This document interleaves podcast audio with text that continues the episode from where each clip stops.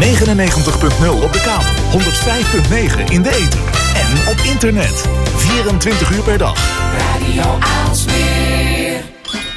Het is maandag. Tijd voor anders. Tijd voor scherpte en innovatie. Tijd voor blikopende radio. Met Puur, Wilg en Lennart. Wat klinkt dat lekker, jongens. Het is uh, tijd voor innovatie. Het is tijd voor uh, wispelturigheid. Oh, die scherpte vind ik ook wel fijn. Ja, en uh, ja, we zijn er voor je. Hier vanuit de studio. Aflevering nummer 3 van Blik Openen Radio. Tot hoe lang gaan we door, jongens? Tot welk jaar? 2039, hoorde ik uit Betrouwbare Bron. Oh, cool. Um, het is maandag, het is 29 oktober 2018. Ook wel goed om te gaan noemen, want het wordt, uiteindelijk wordt het een podcast. Ja. Um, opvolger Uur van Puur. We blijven de eerste afleveringen blik openen, maar gewoon even bijvermelden nog. Ja. En wat hebben we vandaag in de uitzending?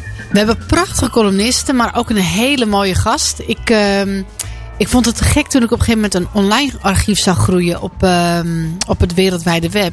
En dat was 30 jaar dance, naar aanleiding van een programma van de VPRO, een drieluik. Ja. En uh, dat vond ik zo fascinerend, want je ziet natuurlijk heel vaak over dingen die gedeeld worden wat een beetje uh, negatief is of wat, wat een beetje elkaar uh, schuurt. Maar dit is echt weer kennis wat gedeeld wordt en, uh, en, en recente kennis. Blijft. En wat behouden blijft ja. voor, de, ja, voor generaties na. En we hebben zo meteen Sander in de uitzending die ons daar wat meer gaat over vertellen. Want hij heeft het gebouwd. Hij is de achtergrond en hij heeft nog een paar weken te gaan totdat ja, de centjes en de tijd op is. Dus het is een kwestie van nu of nooit. Ik ben benieuwd. Spannend. daarnaast natuurlijk ook nog Elja. Ja. Vaste columnist en Hermaniak. Ons toetje van de week. En de week van Wilg. Nou, wat wil je nog meer? Blijf luisteren. Dit is Blik Openen Radio. I wanna go with you, I'd run cause you often see a big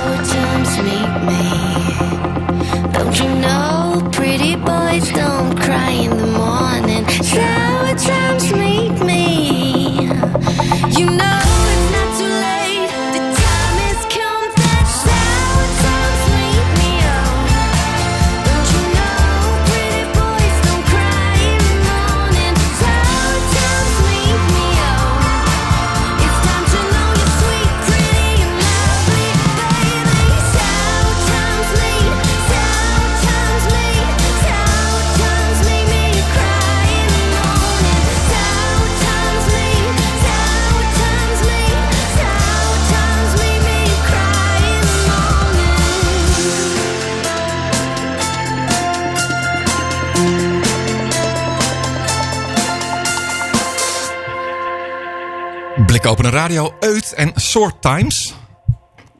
En dat was lekkere muziek. En dat is uh, ons aanloopje naar uh, Sander Kerkhoff van de VPRO. Hallo. Goedenavond. Kun je even uitleggen wat je doet en waarom je het doet? In het leven? In het leven, ja. in het mooi. leven.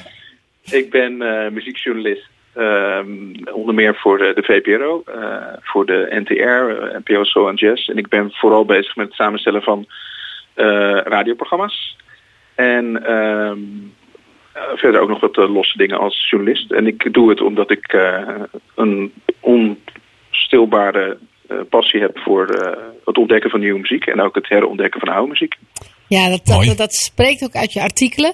Was dit ook wat je wilde worden toen je klein was? Ja, ik was vroeger al heel erg eh, bezig met eh, mijn eigen radiootje spelen. Dus ik had al vrij jonge leeftijd een, eh, een mengpaneeltje en nou ja, zo'n cassette recorder wat je vroeger had Ja. met auto reverse en twee naast Oh ja. elkaar. En dingen over opnemen van de radio en top 40 boekjes samenstellen met Ja. wat de, beste nummers waren. Dus ja, ik zat er helemaal in. Had je vroeger favoriete radioprogramma's die je graag nadeed? Of wat, je, wat inspiratie was voor je? Ja, Curie en Van. Ja. is Heel erg van mijn tijd. En, eh, Ja. dus, dus ja, dat was altijd wel mijn, eh, mijn favoriete ding om na te doen. En een andere held van mij is, eh, is, is Ben Liebrand. En dat was toen iemand die heel vaak mixen maakte voor, ehm, voor Ver- Veronica toen nog op, op Radio 3. Ja, Van, van- ja. Ja, precies. En, en, en dan één keer per jaar maakte hij de Grand Mix. Ja. Ja. En dat, dat is, Dat moest je ook opnemen beetje- op tape. Ja, cassettebandjes vol Precies. thuis nog hoor. Ja, Ja. ja. dan moest je echt op tijd beginnen. Ja, wat prachtig. Wat mooi. Ehm, vertel eens even over 30 jaar dance. Waar, waar, waar ben je mee bezig geweest de laatste Ja, tijd? maar wanneer kwam bij jou die, die prikkel voor Oh, ja. dance? Hè, want je vertelde dingen opnemen, radio en zo. En wanneer Hou, had hou je wel van dance? Nou, het is wel grappig. Eh, ik heb eh, een aantal, eh, of ik heb best wel veel van de interviews teruggekeken die in de serie 30 jaar Dance terugkomen, de televisieserie. Ehm, en ehm, heel veel mensen spreken er ook over, over die tijd als dat ze niet echt in de gaten hadden in het begin dat er een nieuwe stroming was, zeg maar. Want dance was eigenlijk min of meer best wel snel te, terug te vinden in de top 40. Dus ik heb, zonder dat ik het zeg maar wist, ehm, vrij snel platen gekocht als eh French. Oeh, dat was En spannend, want je viel net weg. Je viel net weg Het, was het was net een soort popquiz. Eh, van, van wie heb je een plaat gekocht? French Kiss van Leo Louis. Ja. Dat was toen een, een bekende plaat. eh, Promised Land van Joe Smooth. Dat zijn de ja, toch hele vroege house nummers. En je had toen die verzamelaars, die heette Turn of the Bass. Ja. Deel 1 tot en met 24. En 683. dus, dus som- ja. ja, zonder dat je het wist, zat je eigenlijk al wel in de house. Want ik was eh, in ehm 88 was ik eh 13. Dus eh, ja, ik ging ook nog niet uit. Maar ik was wel ja, eigenlijk met house bezig, merkte ik later. Ook met nummers als eh eh, Apotheosis en O Fortuna. En allemaal van die enorm, eh, enorm gesampelde harde Ja, liedjes. Die kocht ik dan op single. later nog verboden om op de radio te draaien. Waarom? Precies. Ja, omdat de erf van Karel Olf die vonden dat niet zo'n goed idee. Oké, natuurlijk. Ik weet dat we toen in die Ja. tijd ook Radio Smeer natuurlijk ook wel deden. En daar was het tweede singeltje. En dat, dat stond in het archief, maar er zat ook een hele grote sticker op. Niet draaien. Oké. Dat mocht niet. Nee. En Sander, ehm, jij bent muziekexpert, hè? In ieder geval, je houdt van muziek. Hoe kan, Zeker. het, hoe kan het dat mensen toen niet aanvoelden dat het iets nieuws was? Eh. Ja, dat zullen we nooit Nou, ik denk dat nummers waar wij het nu... Veel, veel nummers waar we het nu veel nummers waar we het nu over hebben, denk ik, zijn eh, dus, eh, een soort vervolg op wat er natuurlijk al was. En dat wordt ook duidelijk in de, uit de serie. Van, eh, dat, Ja. ja. het zijn veel house nummers, zijn een vervolg op disco. eh, ehm, en ehm, ik denk waar het in de serie vooral ook over gaat, zijn toch echt die hele abstracte liedjes. Waar French Kiss min of meer ook wel vrij abstract is. Ja. Maar waar echt de acid eh, house, eh, dat je, echt gewoon zes minuten achter elkaar een instrumentale eh, 303 en een, en een eh, 606 of een, achter elkaar hoort en waar je gewoon mee wordt gezogen meer in een trance of zo. En dat, dat, dat, dat werd wel duidelijk dat dat wel duidelijk iets anders was. Leg Dus, even uit, eh, jongens, ja. wat een 606 is. Synthesizer. Oké, oh, dank je. Dank je. Ja, het is een computer en een synthesizer. Ja. En, de- de- en dat, dat is het mooie ook. eh, dat, eh, dat er, wordt- er wordt ook verteld van ja, op een gegeven moment kun je dat Ehm, eh, iemand vertelt, eh, Dylan Hermerlijn vertelt in de serie over dat, er, eh, dat hij zo'n kastje had. En er was, hij kwam achter dat een vriend van hem had ook zo'n kastje. Zei ja, laten we eens aan elkaar koppelen. Dan kunnen we acid maken. Nou, zo, en zo ging het ook. Ja, cool. En zo ging het eh, ook waar, op de plekken waar het vandaan kwam. Uit, eh, uit eh, Detroit en uit Chicago. En toen, toen kwam het uiteindelijk in Nederland terecht. Hè, nou, ja, 30 jaar, dus in 88. Eh, waarom Nederland? Ben je daar achter gekomen in, in al het onderzoek? Ehm, ja, het is natuurlijk op een gegeven moment overal wel terechtgekomen. Maar Nederland was vrij vroeg met de eh, ja, adaptatie ervan. Omdat Amsterdam was natuurlijk al wel een, een belangrijke stad in Europa. En ehm, het kwam eigenlijk die zomer vanuit Ibiza en vanuit Londen eh, vooral eh, naar Amsterdam. En er is eigenlijk een soort, ja, die zomer een soort van mo- moment geweest waarop het helemaal is ontploft. En eh, ik vind het ook heel mooi dat in die eerste aflevering eh, duidelijk wordt. Je voelt aan alle kanten dat er aan zit te komen. Hè. Er lagen al houseplaten in de platenwinkel. Die lagen al in uitverkoopbakken, want niemand draaide het of niemand wilde Wat het. lachen. En toen ineens was er een soort big bang, mede door eh, een feest op de Roxy. eh Levantkade in, eh, in, eh, in september. Er was een artikel van Gert van Veen in de Volkskrant. En ja, dat was één weekend waarin eigenlijk eh, het kwartje viel, of misschien voor sommigen het pilletje. Eh, en eh, ja, toen was de House ineens eh, gearriveerd. Vanaf dat moment was de Roxy, die al een jaar open was, was de Roxy ineens wekelijks eh stampvol. Wat, eh, wat lachen dit. En ik, ehm, ja, ik, ik, ik vroeg dus net van, hou je van House? Hou, je, je, hebt dat archief heb je uiteindelijk nu ben je gestart. Hoe, hoe, hoe is dat gegaan? En heb je daardoor meer van, van, van die muziekstroom gehouden? Of, of was, was dat al zover? Nou, ik, ik, ik moet zeggen dat ik, ja, ik heb dus niet het begin meegemaakt dat je echt uitging. Maar Ja. ja, ja ik snapte al wel wat de muziek was. eh, de- mede door die uh, turn of the bass-achtige dingen en zo. En ehm, ik moet zeggen dat ik eh, daarna eigenlijk voornamelijk wel de gitaarmuziek Ja, ingegaan ja, ben. artikelen zijn een hele andere stroming. Nou, tot ik bij de VPRO kwam Ja. werken in, eh in 98 eh, ben ik daar begonnen. Toen, toen VPRO 3 voor 12 begon. En de mensen die daar werkten, die hadden de, altijd een heel erg brede eh, kijk op muziek. Dus ik ben ook mede daardoor heel erg eh, gegroeid. Eh, ik kan me nog herinneren mijn eerste echte belangrijke concert in Paradiso. eh, waardoor ik eh, besloot om eh, eh, te verhuizen van Zwolle naar Amsterdam was eh, Daft Punk. Nou, dat is een duidelijke eh, Ja. descendant van, van de housemuziek natuurlijk. Dus ik was toen ook wel daarmee bezig. En eh, ja, ik, ik, eh, ik heb nog een aantal jaren een danceprogramma eh, samengesteld voor de VPRO. Ik heb af en toe wel danceprogramma's ehm, gepresenteerd als eh, vervanger van mensen die op vakantie waren. Dus eh, ja, ik heb wel in die laatste twintig jaar is het wel heel eh, dicht bij mijn hart komen te liggen. Oh, goed, gelukkig. En vertel over het archief. Hoe is dat ontstaan? En, en is dat tegelijkertijd met het drieluik ontstaan? Hoe is dat gegaan? Ja, dat was eigenlijk vijf jaar geleden al een plan ehm, om een serie te maken van regisseur uh, Sascha Vermeulen. En vijf jaar geleden kwam ook het ehm, eh, boek uit Go Wild. Eh, samengesteld onder meer door eh, Arne van Terphoven.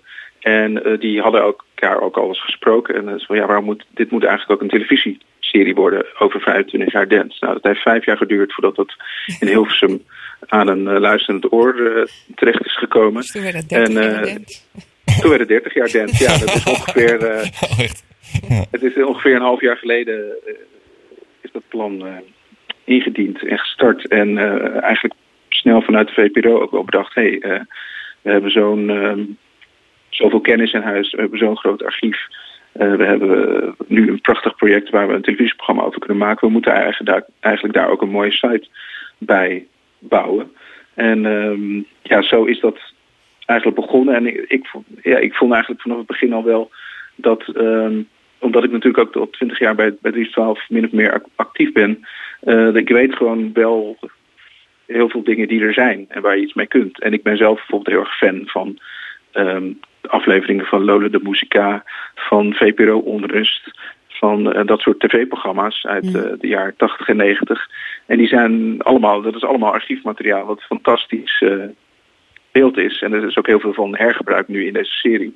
Maar was, er, was er nog die... veel te vinden, Sander? Of, of waren ook heel veel dingen weg? Ik bedoel, is, van, is, is pre-internet eigenlijk. Of een, nou ja, een deel VPRO, de, de, omroepen zijn, uh, staan er over het algemeen niet onbekend dat ze eh, heel Koesteren? erg goed zijn eh, Ja. omgegaan met, eh, met, met materiaal. Maar kijk, eh, dat soort programma's als Onrust en, en, eh en Lone Moeska is natuurlijk uit de jaren negentig. Toen wa- was er wel, wel een soort van realisatie van... ja. hé, misschien is het goed om dat allemaal te bewaren. En als dat niet in het archief zelf, dan, eh, dan waarschijnlijk bij de regisseur thuis. Ja. Maar... ehm, dus dat, is, dat was allemaal goed terug te vinden. En we, we zijn ook eigenlijk, denk ik, vanaf ik denk 2000, nou eigenlijk al vanaf 98 al eh, heel erg actief geweest met het opnemen van DJ-sets tijdens festivals, tijdens eh, clubavonden. Dus ook dat archi- archief is echt eh, gigantisch. Dus daar heb ik ook weer uit kunnen putten eh, met specifieke eh, DJ-sets van bepaalde DJ's die, eh, ja, die ook in de serie terugkomen. Sander, waar ben je het meeste trots op als je naar dat, het archief kijkt wat, wat er nu staat? Het online archief. Nou, ik vind het mooi dat we artiesten en producers eh, die zijn geïnterviewd door de serie ook direct hebben kunnen benaderen eh, om te putten uit hun fotoarchief, uit hun DJ-archief, zodat we dus uniek materiaal eigenlijk op de site kunnen zetten. Een foto uit, uit het, laten we eh, als voorbeeld een foto van Paul Elstak. eh, DJ Paul Elstak uit de tijd dat hij werkte in eh platenzaak Midtown in, in Rotterdam. Ja. Samen met Michel de Heij. En ja, dat is gewoon een hele mooie oude foto van Paul Elstak... waarvan je denkt, oh ja, die, die is ook ooit ergens begonnen, weet je wel. Ja, wat mooi dat je En, dat noemt. Vind ik echt heel tof. Mooi. En eh, ja, bijvoorbeeld een DJ-set eh, van Dimitri... die we hebben opgestuurd gekregen uit, eh, uit 1991 in de Roxy. Eh, Eddie de Klerk heeft een ongelooflijk groot en goed verzorgd archief... waar hij trouwens ook zijn eigen pagina heeft bij de VPRO Online bij Vrije Geluiden... Die hebben we ook weer teruggekoppeld op onze site. Dus ja, Ja. ik ben eigenlijk trots op het, ook op het geheel. En ik hoop eigenlijk dat het ja, kan groeien nog. En wat mis je nog? Heb je nog wat van ons nodig en van onze luisteraars?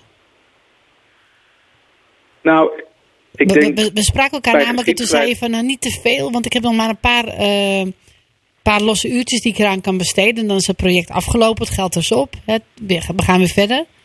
Ja, Wat nou ja, mis je het nog? televisieprogramma is natuurlijk eh, is, is nu gemaakt en, en, eh, en de website hoort daarbij. En dan, dan is het project in principe ook wel eindig. Maar ik vind het wel heel mooi. We krijgen al heel veel reacties van mensen die hun, in hun eigen archi- archief eh, iets hebben liggen. Van ze zeggen, ja, dit, dit zou ook mooi zijn als dit kan worden toegevoegd. Dus in principe mis je nog heel veel. Want bij, bij geschiedschrijving zijn er altijd eh, meerdere verhalen van meerdere mensen. En er gebeuren op meerdere plekken dezelfde dingen. Eh, de- in de serie wordt nu toch redelijk veel gefocust op Amsterdam en Rotterdam. Ja. Er gebeuren in Utrecht ook hele mooie dingen. En mensen zeggen, ja, maar de eerste houseparties waren in, in Limburg en in Brabant. Weet je wel. Maar, Dus- was, dat, was dat niet in eerste instantie ook een beetje de bedoeling van dat platform? Ik kan me voorstellen als je zegt van nou er moet een online archief komen of een, of een platform om dit neer te kunnen zetten, in, in verband te kunnen zetten, foto's, muziek eh, aan elkaar koppelen, om, om een beetje dat op gang te kunnen brengen. Een soort wiki, Ja, dat was ook wiki, wel- wiki eh, een DJ, eh, dance. eh, Ja, ik zou het zonde vinden als het hiermee eindigt. En je kunt het Ja dat, zou, ja, dat zou ik ook zonde vinden. Maar er is, ja, je moet op een gegeven moment ergens beginnen. En dan is de basis van deze website is toch, ligt heel dichtbij bij wat er in de serie gebeurt. Dus de mensen uit de serie die zijn geïnterviewd, het zijn er een stuk of 35. Ja, daar hebben we nu allemaal ehm, eh, materiaal van, la- lange interviews. Dus van tussen een uur en twee uur, waar misschien van in de serie maar... ehm, ja, eh, weet je wel, vijf, zes minuten misschien gebruikt worden. Hmm, dus Eh, dus die probeer- als kijker. Ja, die proberen we nu allemaal los toe te voegen aan de site. In ieder geval een heel, Mooi. heel aantal. Dus je begint eigenlijk, we beginnen eigenlijk bij waar het in de serie over gaat. Ja, en daarna kan je, eh, zou je eigenlijk wel verder kunnen gaan denken van... hé, hey, eh, maar er is nog veel meer. Eh, en ik hoop vurig dat...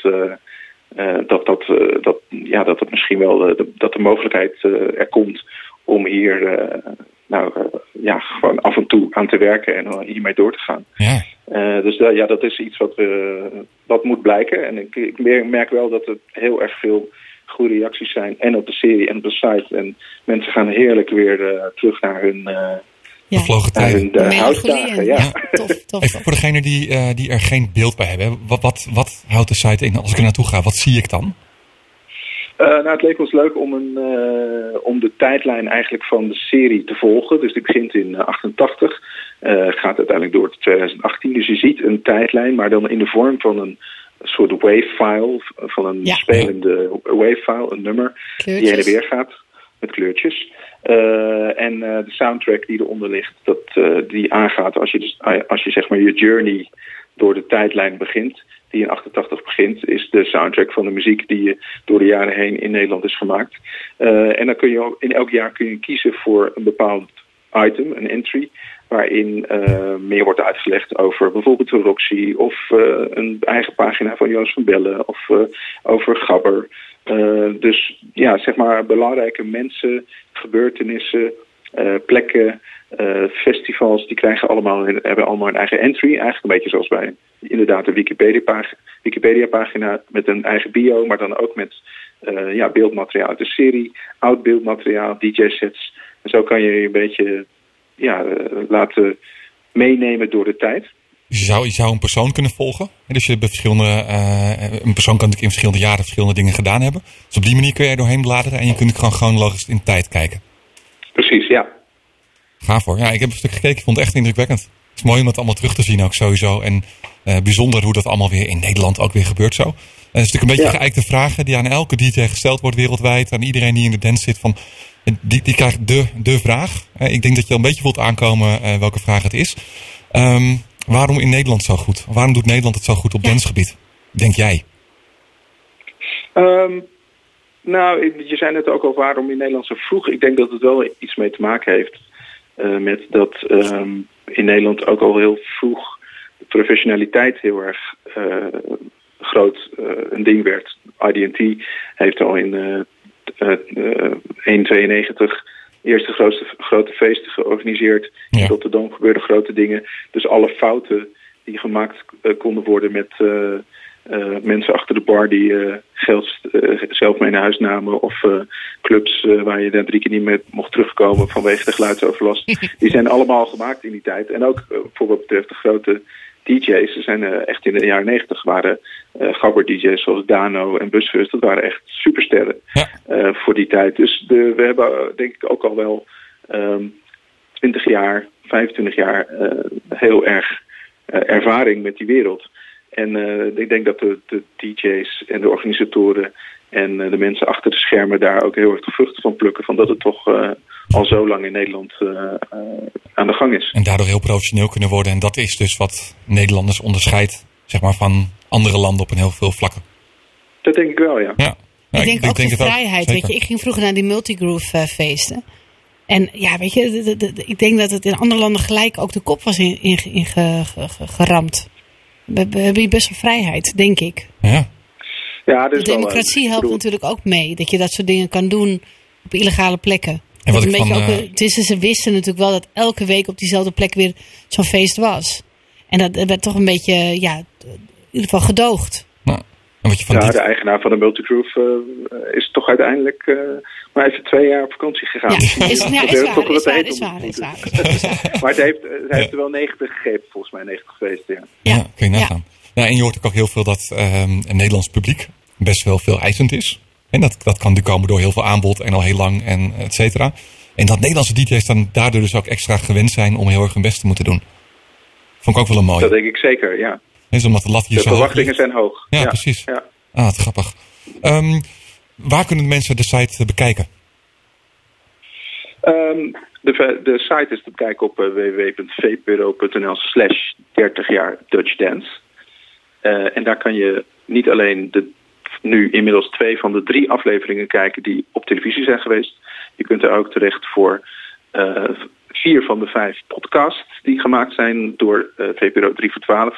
Eh, die gaan allemaal over een bepaalde dag, belangrijke dag in, uh, in uh, 30 jaar uh, dance. Bijvoorbeeld het, het, afbranden van de Roxy. Of de dag inderdaad dat Multigroove werd opgerold door de politie. En die, de, die, worden steeds aangevuld. Dus aanstaande zaterdag is, is aflevering 3. Die komt er dan meteen bij. Wat is je volgende project? De Song van het Jaar Remix 2018 op 6 december. Oké, okay, dus je bent ook Ben Liebrand geworden. Dat was mijn droom. Ja, precies. dat vind ik wel mooi. Oké, okay, heerlijk. Nou, hou ons op de hoogte. En uh, ja. mocht een keertje in de buurt van Aarsmeer komen, je bent welkom. En uh, dank voor deze blikopener. Oké. Okay. Fijne avond, succes.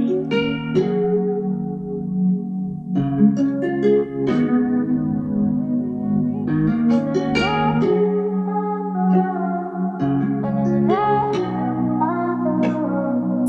when your heart was broke. I filled your cup until it overflowed. Took it so far to keep you close. I was afraid to leave you on your own. I said I'd catch you if you fall. And if they laugh, then fuck them all.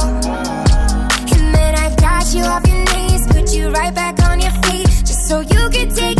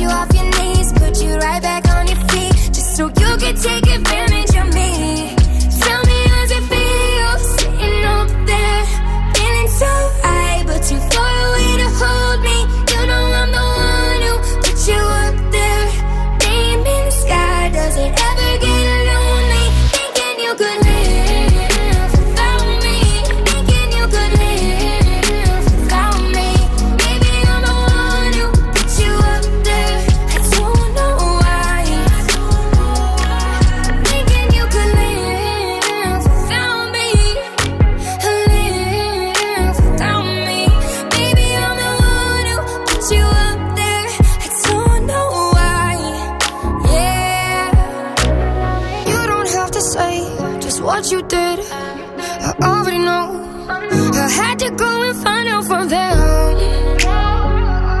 So tell me, how's it feel?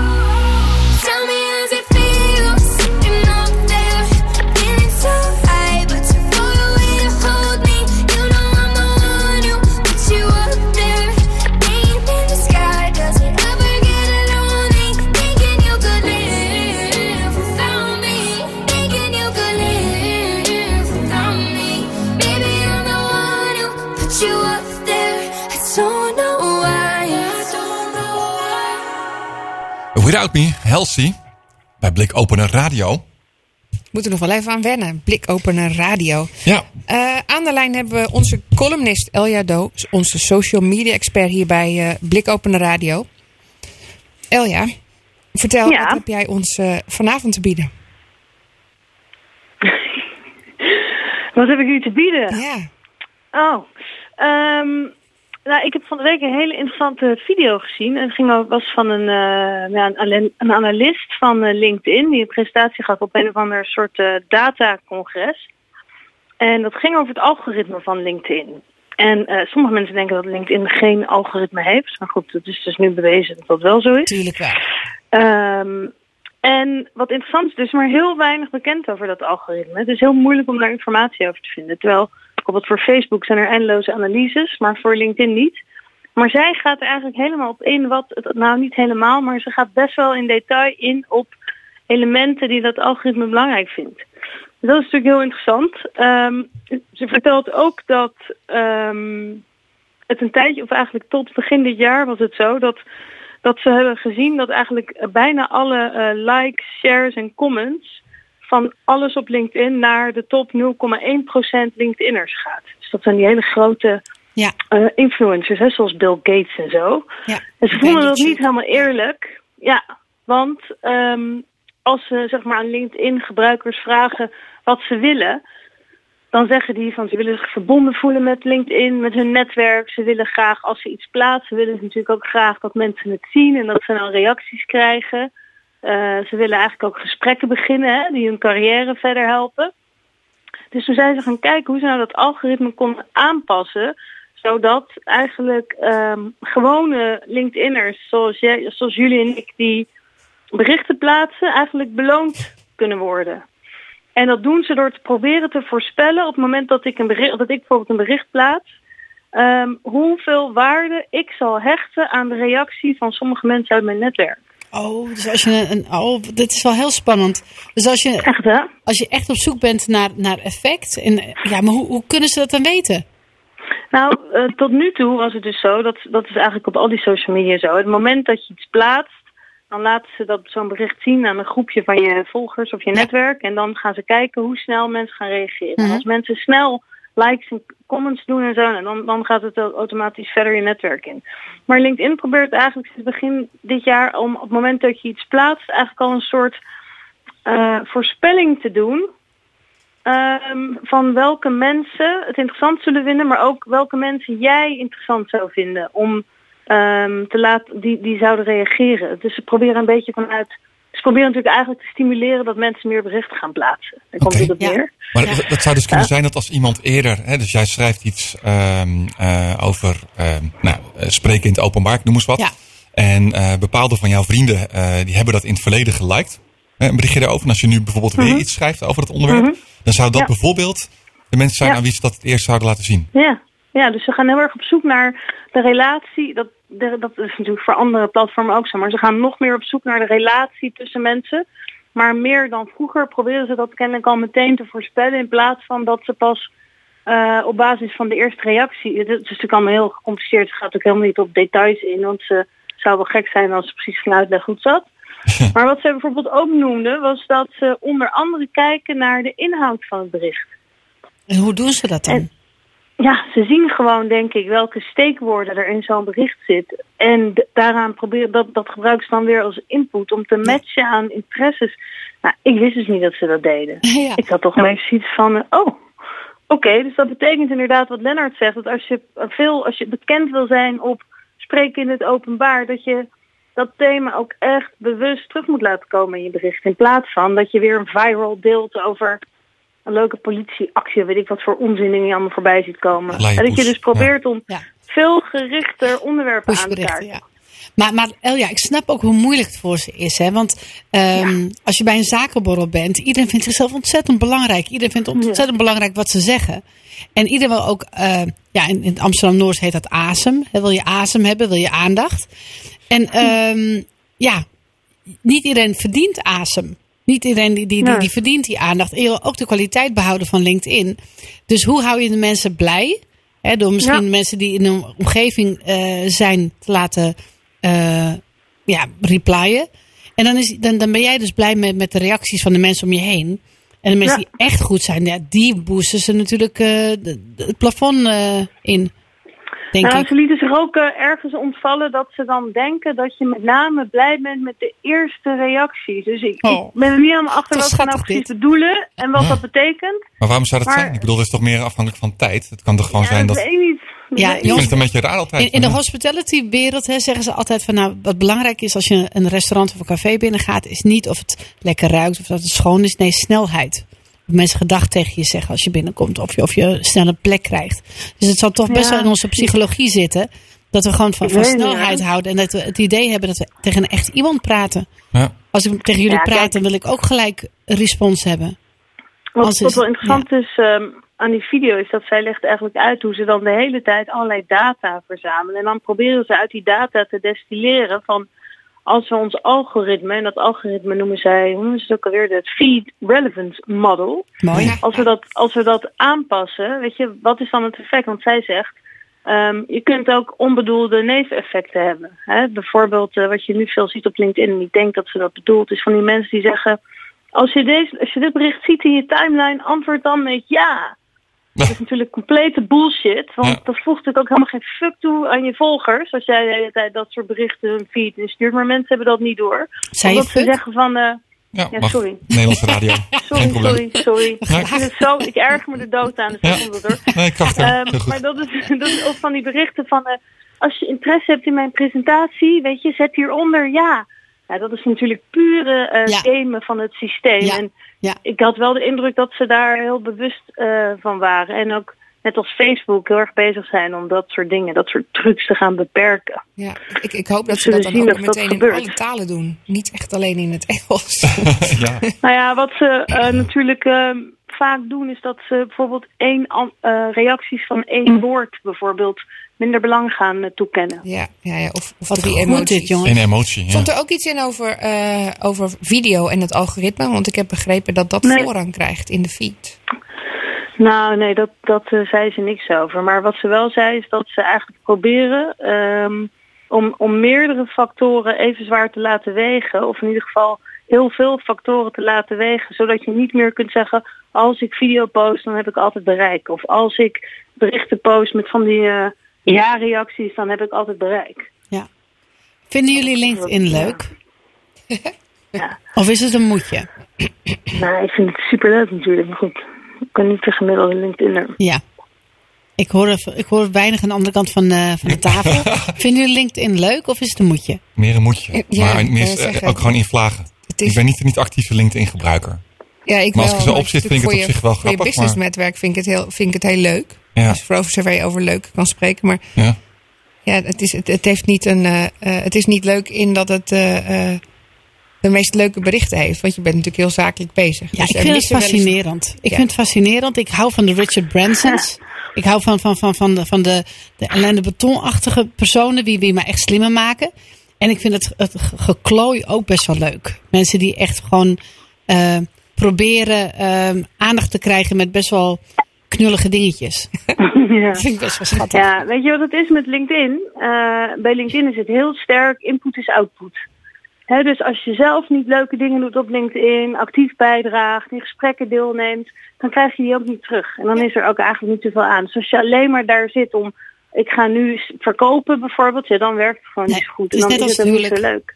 Nee, maar het Ja, het ligt is natuurlijk echt, ook een eh, beetje aan wat je deelt, zeg maar. Er zijn, en je deelt natuurlijk Ja. toch andere dingen. Want je gaat niet vertellen over je, over je kat op LinkedIn. Net als dat ik verjaardag op LinkedIn ook niet... Nee, maar je werk kan toch ook wel leuk zijn om te Ja. delen. Althans, mijn werk is vaak heel... Ik zie heel veel leuke dingen om te delen. En mijn netwerk vindt het leuk als ik daarover praat.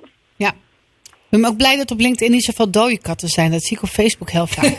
Mensen die afscheid Dode nemen van hun katten, ja? huisdier. Echt ontzettend veel. Ik weet niet waarom. Ik, zie, ik heb nog nooit zoveel dode huisdieren gezien de afgelopen tijd. Echt ook letterlijk, hè? Oké. Ah, Waar ben jij eh, volgende week, Elja, rond deze tijd? Ik ben... eh, ik zit met jou en Lennart aan het diner in Lissabon. Ja, goed is dat. dat wordt toch helemaal te gek?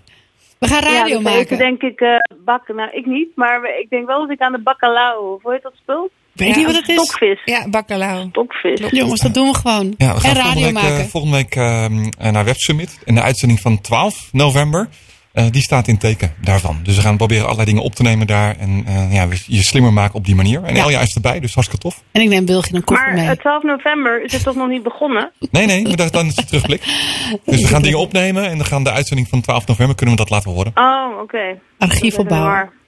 Mooi. Nou, ik ben heel benieuwd. Succes eh, met het opnemen, jongens. Want dat ga ik lekker niet doen. We hebben je Dankjewel voor nodig. Elja. Hey, dankjewel Elja. Dank voor je blikopener. Doei. Nou, en dan eh, is het natuurlijk eigenlijk automatisch alweer tijd voor eh, de Week van Wilg.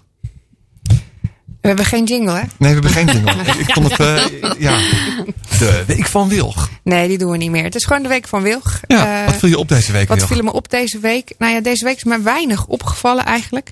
Eh, ik, kre- ik kreeg zelfs iets wat, me op, wat bij mij niet opviel, maar wat Anna-Maria opviel. Dat, dat werd mij doorgestuurd. Wat heel, wat, heel interessant was. Want eh, Over het biechten? nee, het was, eh, het was Dela. Oh ja. Dela, dat was Eh, één, jongens. ja. En- Te- Vertel even, waar ging het Ik over? vond het nasty. Voor je nasty.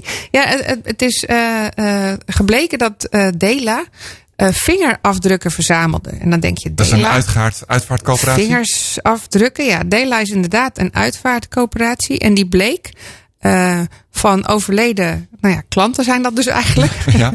Eh, Het zijn geen terugkerende klanten. Dat is- ongevraagd. Ongevraagd? De, ongevraagd. Eh, de vingerafdrukken te nemen. Dat kon heel makkelijk door een soort app, app waar ze alleen maar een, soort, een foto hoefden te maken eh, van de overledene. Konden ze een vingerafdruk nemen. Eh, en, en dat deden ze ongevraagd. De familie wist van niks. En dat is, uh, nou ja, ik geloof dat dat uh, door uh, radar. ja, en waarom deden sprake ze dat? is gebracht. Ja. Nou, ik vroeg moment... me dat dus inderdaad ja. af van waarom zou je dus als een uitvaartverzekering vingerafdrukken verzamelen Ja. van mensen die verdwijnen? Ja. Eh, en wat is, hè, waarom zou je dat doen? Waarom zou je daar een archief van opbouwen? Maar er blijkt dus een, een heel eh, eh, een merchandise eh, platform bij Dela aanwezig te zijn. Dat klinkt een beetje vaag in Dat deze klinkt term. maar heel ja. vaag. Eh, ja, ze verkopen dus eh, eh, souvenirs, eh, eh, kettingjes, sieraden met Ringen. Met, ja, maar zo klinkt het echt. Het is echt Ja. net in die Groepie. sieraden waar ze extra geld mee verdienen. Ja. Met een vingerafdruk van de overledene. En, en hun antwoord was van ja, dat deden we eigenlijk eh, omdat mensen dan... eh, Achteraf kan het niet meer. Als, de als dan- is als- een beetje we willen ze dan Ja. niet, we willen ze Ja. dan niet overhalen, want dat is vervelend op dat moment. Maar als het dan te laat is, eh, dan is het te laat en dan kunnen ze niet meer ja zeggen. Dus dan, dan deden we het maar zo. Oh, wat goed van ze. Nou, Ja, Ik vond het zo vies. In, in, eh, Maar dat is nog wat je weet, jongens. Dat Ja. is nog wat je ziet. nou ja, het grappige is dat er dus onderzoek naar gedaan is van hé, waarom mag, mag dit eigenlijk in het Nee. digitale tijdperk? Is het natuurlijk levensgevaarlijk? Hè, wat, wil je, wat kan je met die, on- met, die, eh, met die vingerafdrukken doen? Ja. Slaat Dela ze op? Wat gebeurt er daarmee? En toen zei ook iemand van ja, maar we hebben nu tegenwoordig GDPR, dus het, het, het wet eh, persoonsgegevens. Ja. In Nederlands heet dat AVG. Eh, is dat niet van toepassing?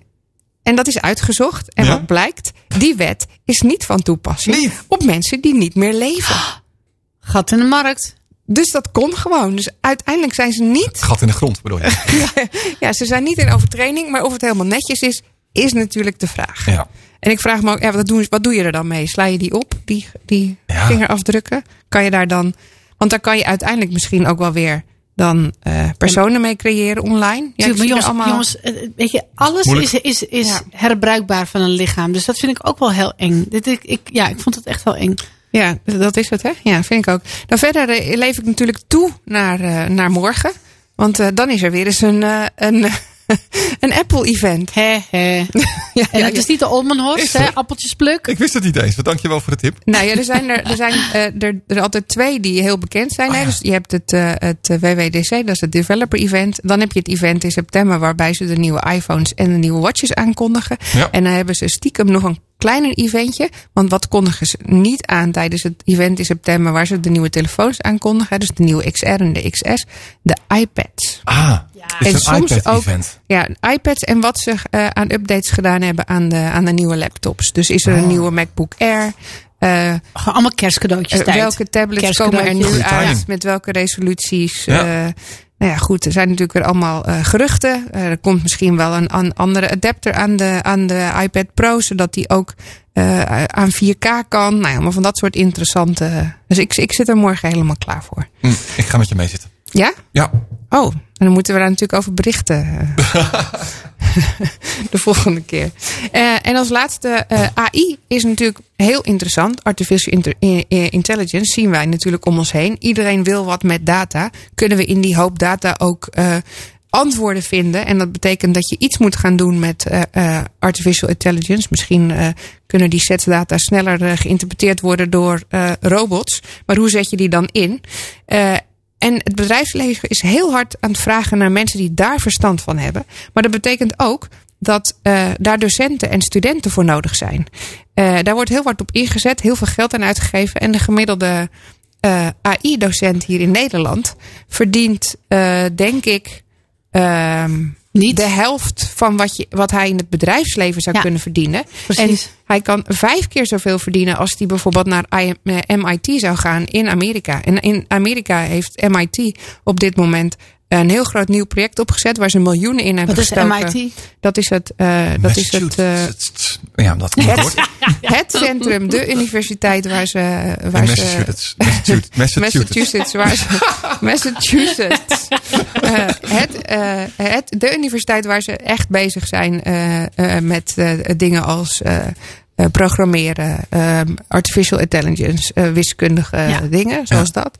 Die hebben heel veel geld uitgegeven om daar een heel groot centrum op te zoeken, om samen te zetten, om samen te werken met uh, bedrijven, data en, en dat groots op te zetten. Wat betekent dat er dus hier in Europa een tekort aan het ontstaan is aan ja. docenten eh, artificial intelligence.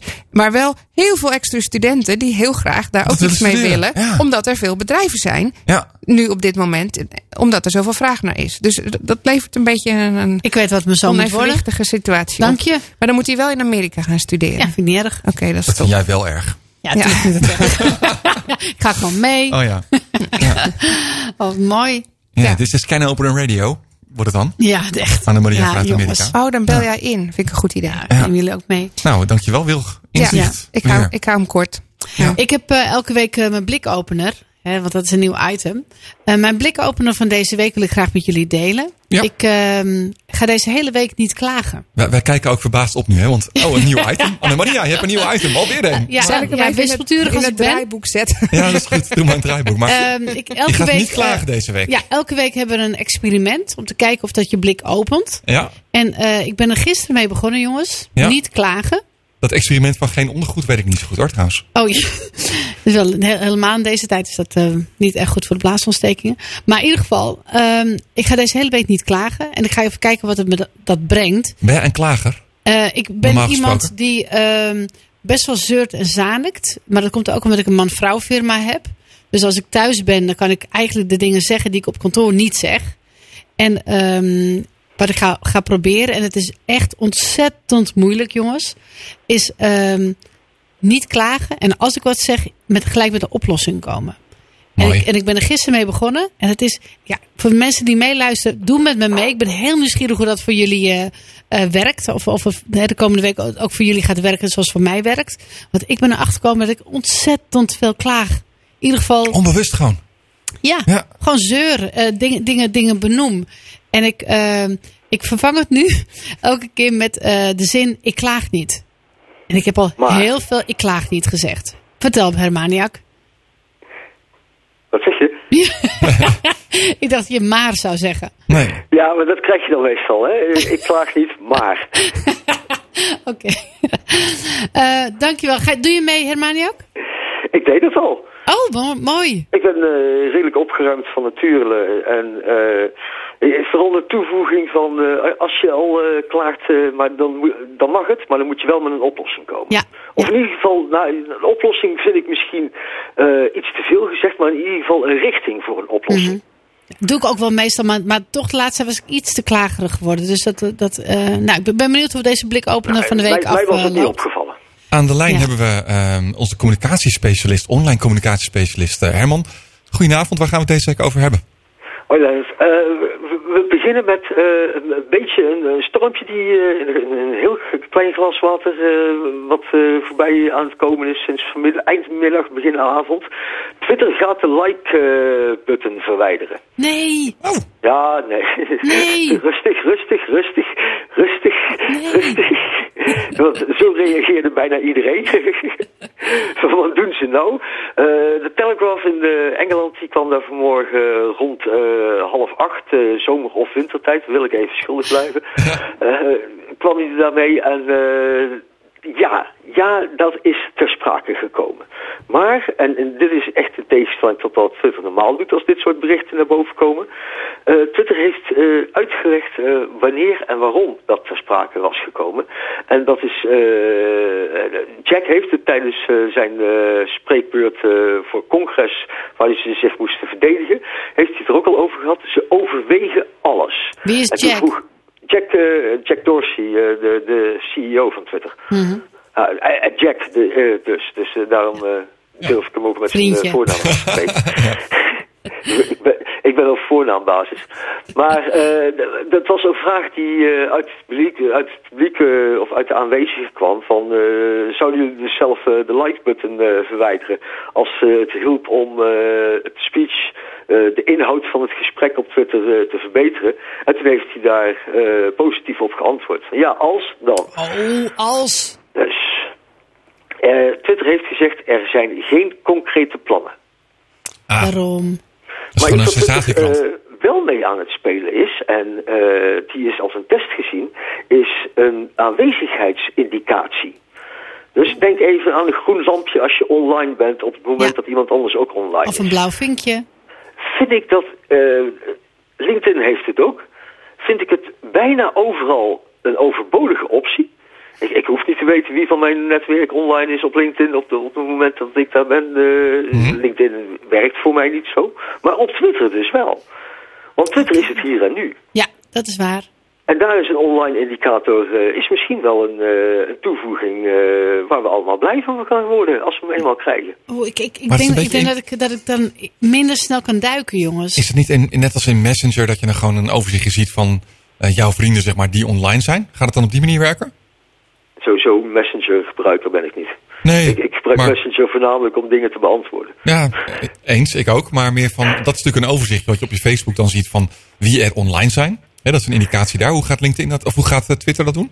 Nou, zoals ik het nu even, en eh, nou, ik ben nou even aan het dromen. Ik heb eh, de, de, de screenshots eh, ervan nog niet gezien, maar laten we het vooral even overwegen. Ja. Dus als je iemand zijn tweet voorbij ziet komen en die persoon is op dat moment online, dat daar zeg maar ergens een, waar nu het blauwe vinkje staat, dan Ah, ook een soort groen, groen dingetje omheen komt of een ander knopje dat aangeeft dat die persoon op zijn avatar online is. Omdat dat nodigt natuurlijk wel uit om in het gesprek te gaan. En dat is Ja. hetgene waar social media altijd voor plakken. bedoeld is geweest. En, dat, is ook waar, eh, waar Elja het net over had, hè? Van, eh, dat die eerste reactie zo belangrijk zou zijn. Nou, dat zou misschien wel inderdaad dan, hè, als je ziet dat iemand online is, dat het extra aanmoedigt om ook te reageren. Zodat je weet dat je meteen ook reactie kan verwachten weer. En als je dat dan niet en- krijgt, dan zeg je dit, dit natuurlijk werkt maar... natuurlijk alleen maar als eh, alle, alle, alle anti-abuse tools eh, en dergelijke eh, op, op zijn plek zijn en goed werken. En als je het eh, optioneel kunt maken.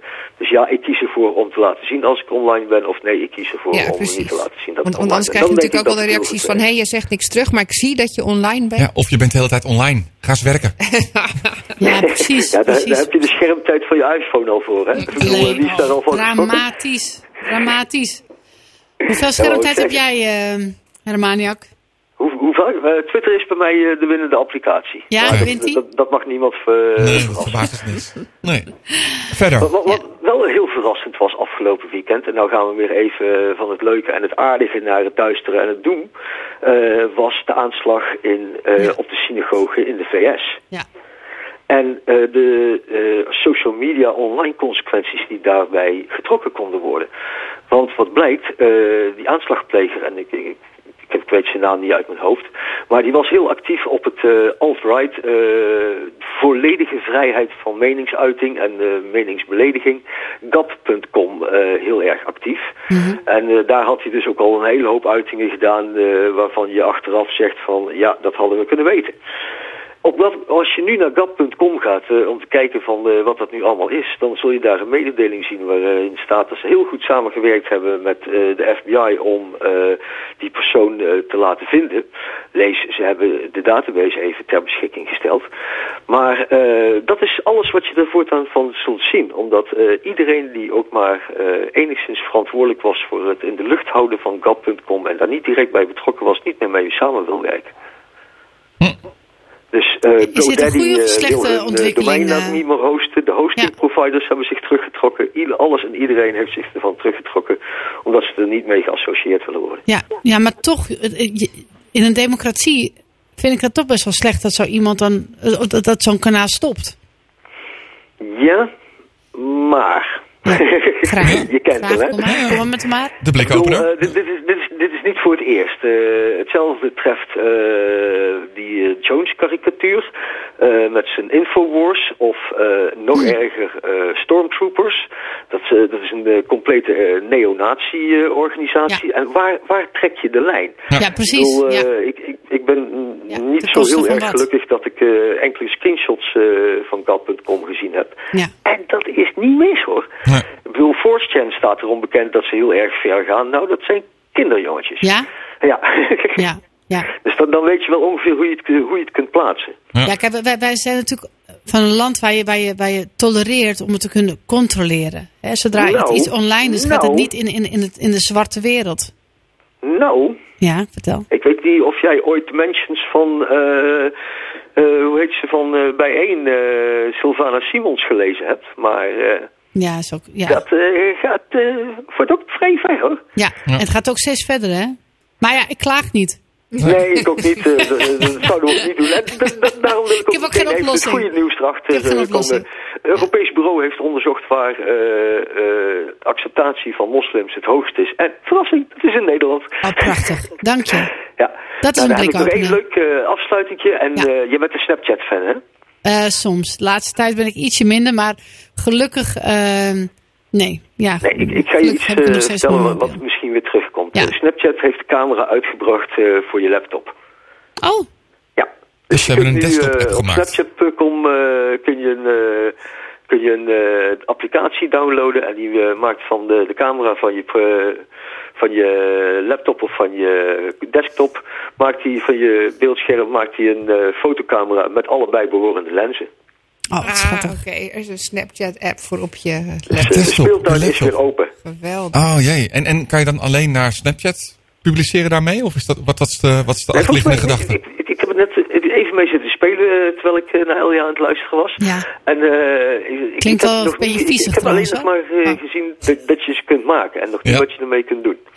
Wat maar ik, ik weet al wel dat je bijvoorbeeld naar Twitch kunt livestreamen. Oh, oké. dus zou Ja, dan dat, als je ja, dat wordt een, eh, dus als je een gamer bent, want Ja. waar, waar zien ze toepassing hiervoor?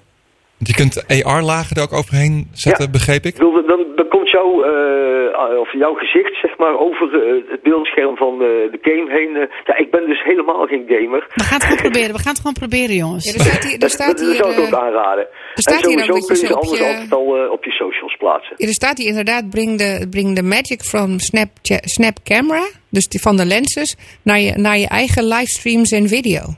Hm. Dus misschien ook als je dan in je, in je Heb je konijnenoortjes in je video als je livestreamt? ja, op je wellicht. Instagram live. Eh, eh, Even Ja. jongens, dat, dat alles van een herhaling van een herhaling is. Mijn, eh, mijn, mijn schoonvader heeft een, heeft een weblog. En dan had hij nu een foto geplaatst van zijn moeder. 83 jaar geleden. Die op een kermis een foto had gemaakt.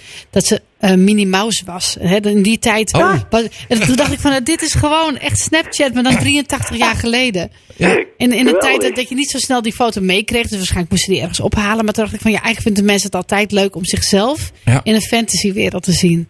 Ja. En dan ook nog met een van je, van je helden. Een konijntje of, of een Minnie Dat is zelfs toch ook de achtergrond van die borden waar je je gezicht doorsteekt en dan een Ja, foto dat was van laat ook. maken. Dat was het ook. Prachtig. Wat grappig. Nou, het zou natuurlijk leuk zijn als, dat, leuk zijn als we dat ook gewoon in onze, onze Skype business meetings konden doen. Hè, die oortjes. Ja. Of, of je krijgt dan dus allemaal van die eh, livestreams waar mensen er te perfect uitzien met een te gladde huid, omdat Ja, die helemaal de gefilterd toekomst. Ah, ja, dat kan ook. De toekomst. En De camera-optie gaan ze aanpassen, Lennart. Eh Hermaniak, als we meer van jou willen weten, waar moeten we zijn? Eh Hermaniak op Twitter of uh, kouwenberg.nl. Kouwenberg met C-O-U, dames en heren. NGH.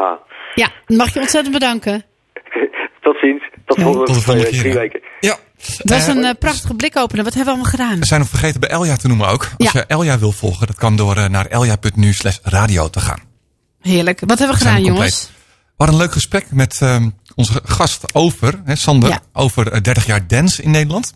Ja, online archief wat nog steeds groeit. Dus eh, kijk er eventjes naar. Prachtig. Sander Kerkhoff is eh Sandeman op eh, Twitter. En waar kunnen we dat kijken? Weet iemand dat? Vpro.nl slash 30 jaar dance. Even uit mijn hoofd. 30 jaar dance. Ja. En verder hadden we natuurlijk eh, Elja, Elja Do, die eh, ons weer wijzer maakte over communiceren op LinkedIn. Ja, het, het mechanisme daarachter. We hadden natuurlijk de week van Wilg. En het, eh, ja, ons toetje Hermaniak. Nou, fijn dat je er was. Ja, blijf een open blik houden en eh, tot volgende week. Volgende week hebben we als gast, overigens. Ja, Soep Aalsmeer. Ze is geweldig. Ja, ze gaat vertellen over eh, nou ja, hoe, hoe zij haar eh, bedrijf heeft opgezet en wat daar innoverend Ja. aan is. Dus luister ook dan weer.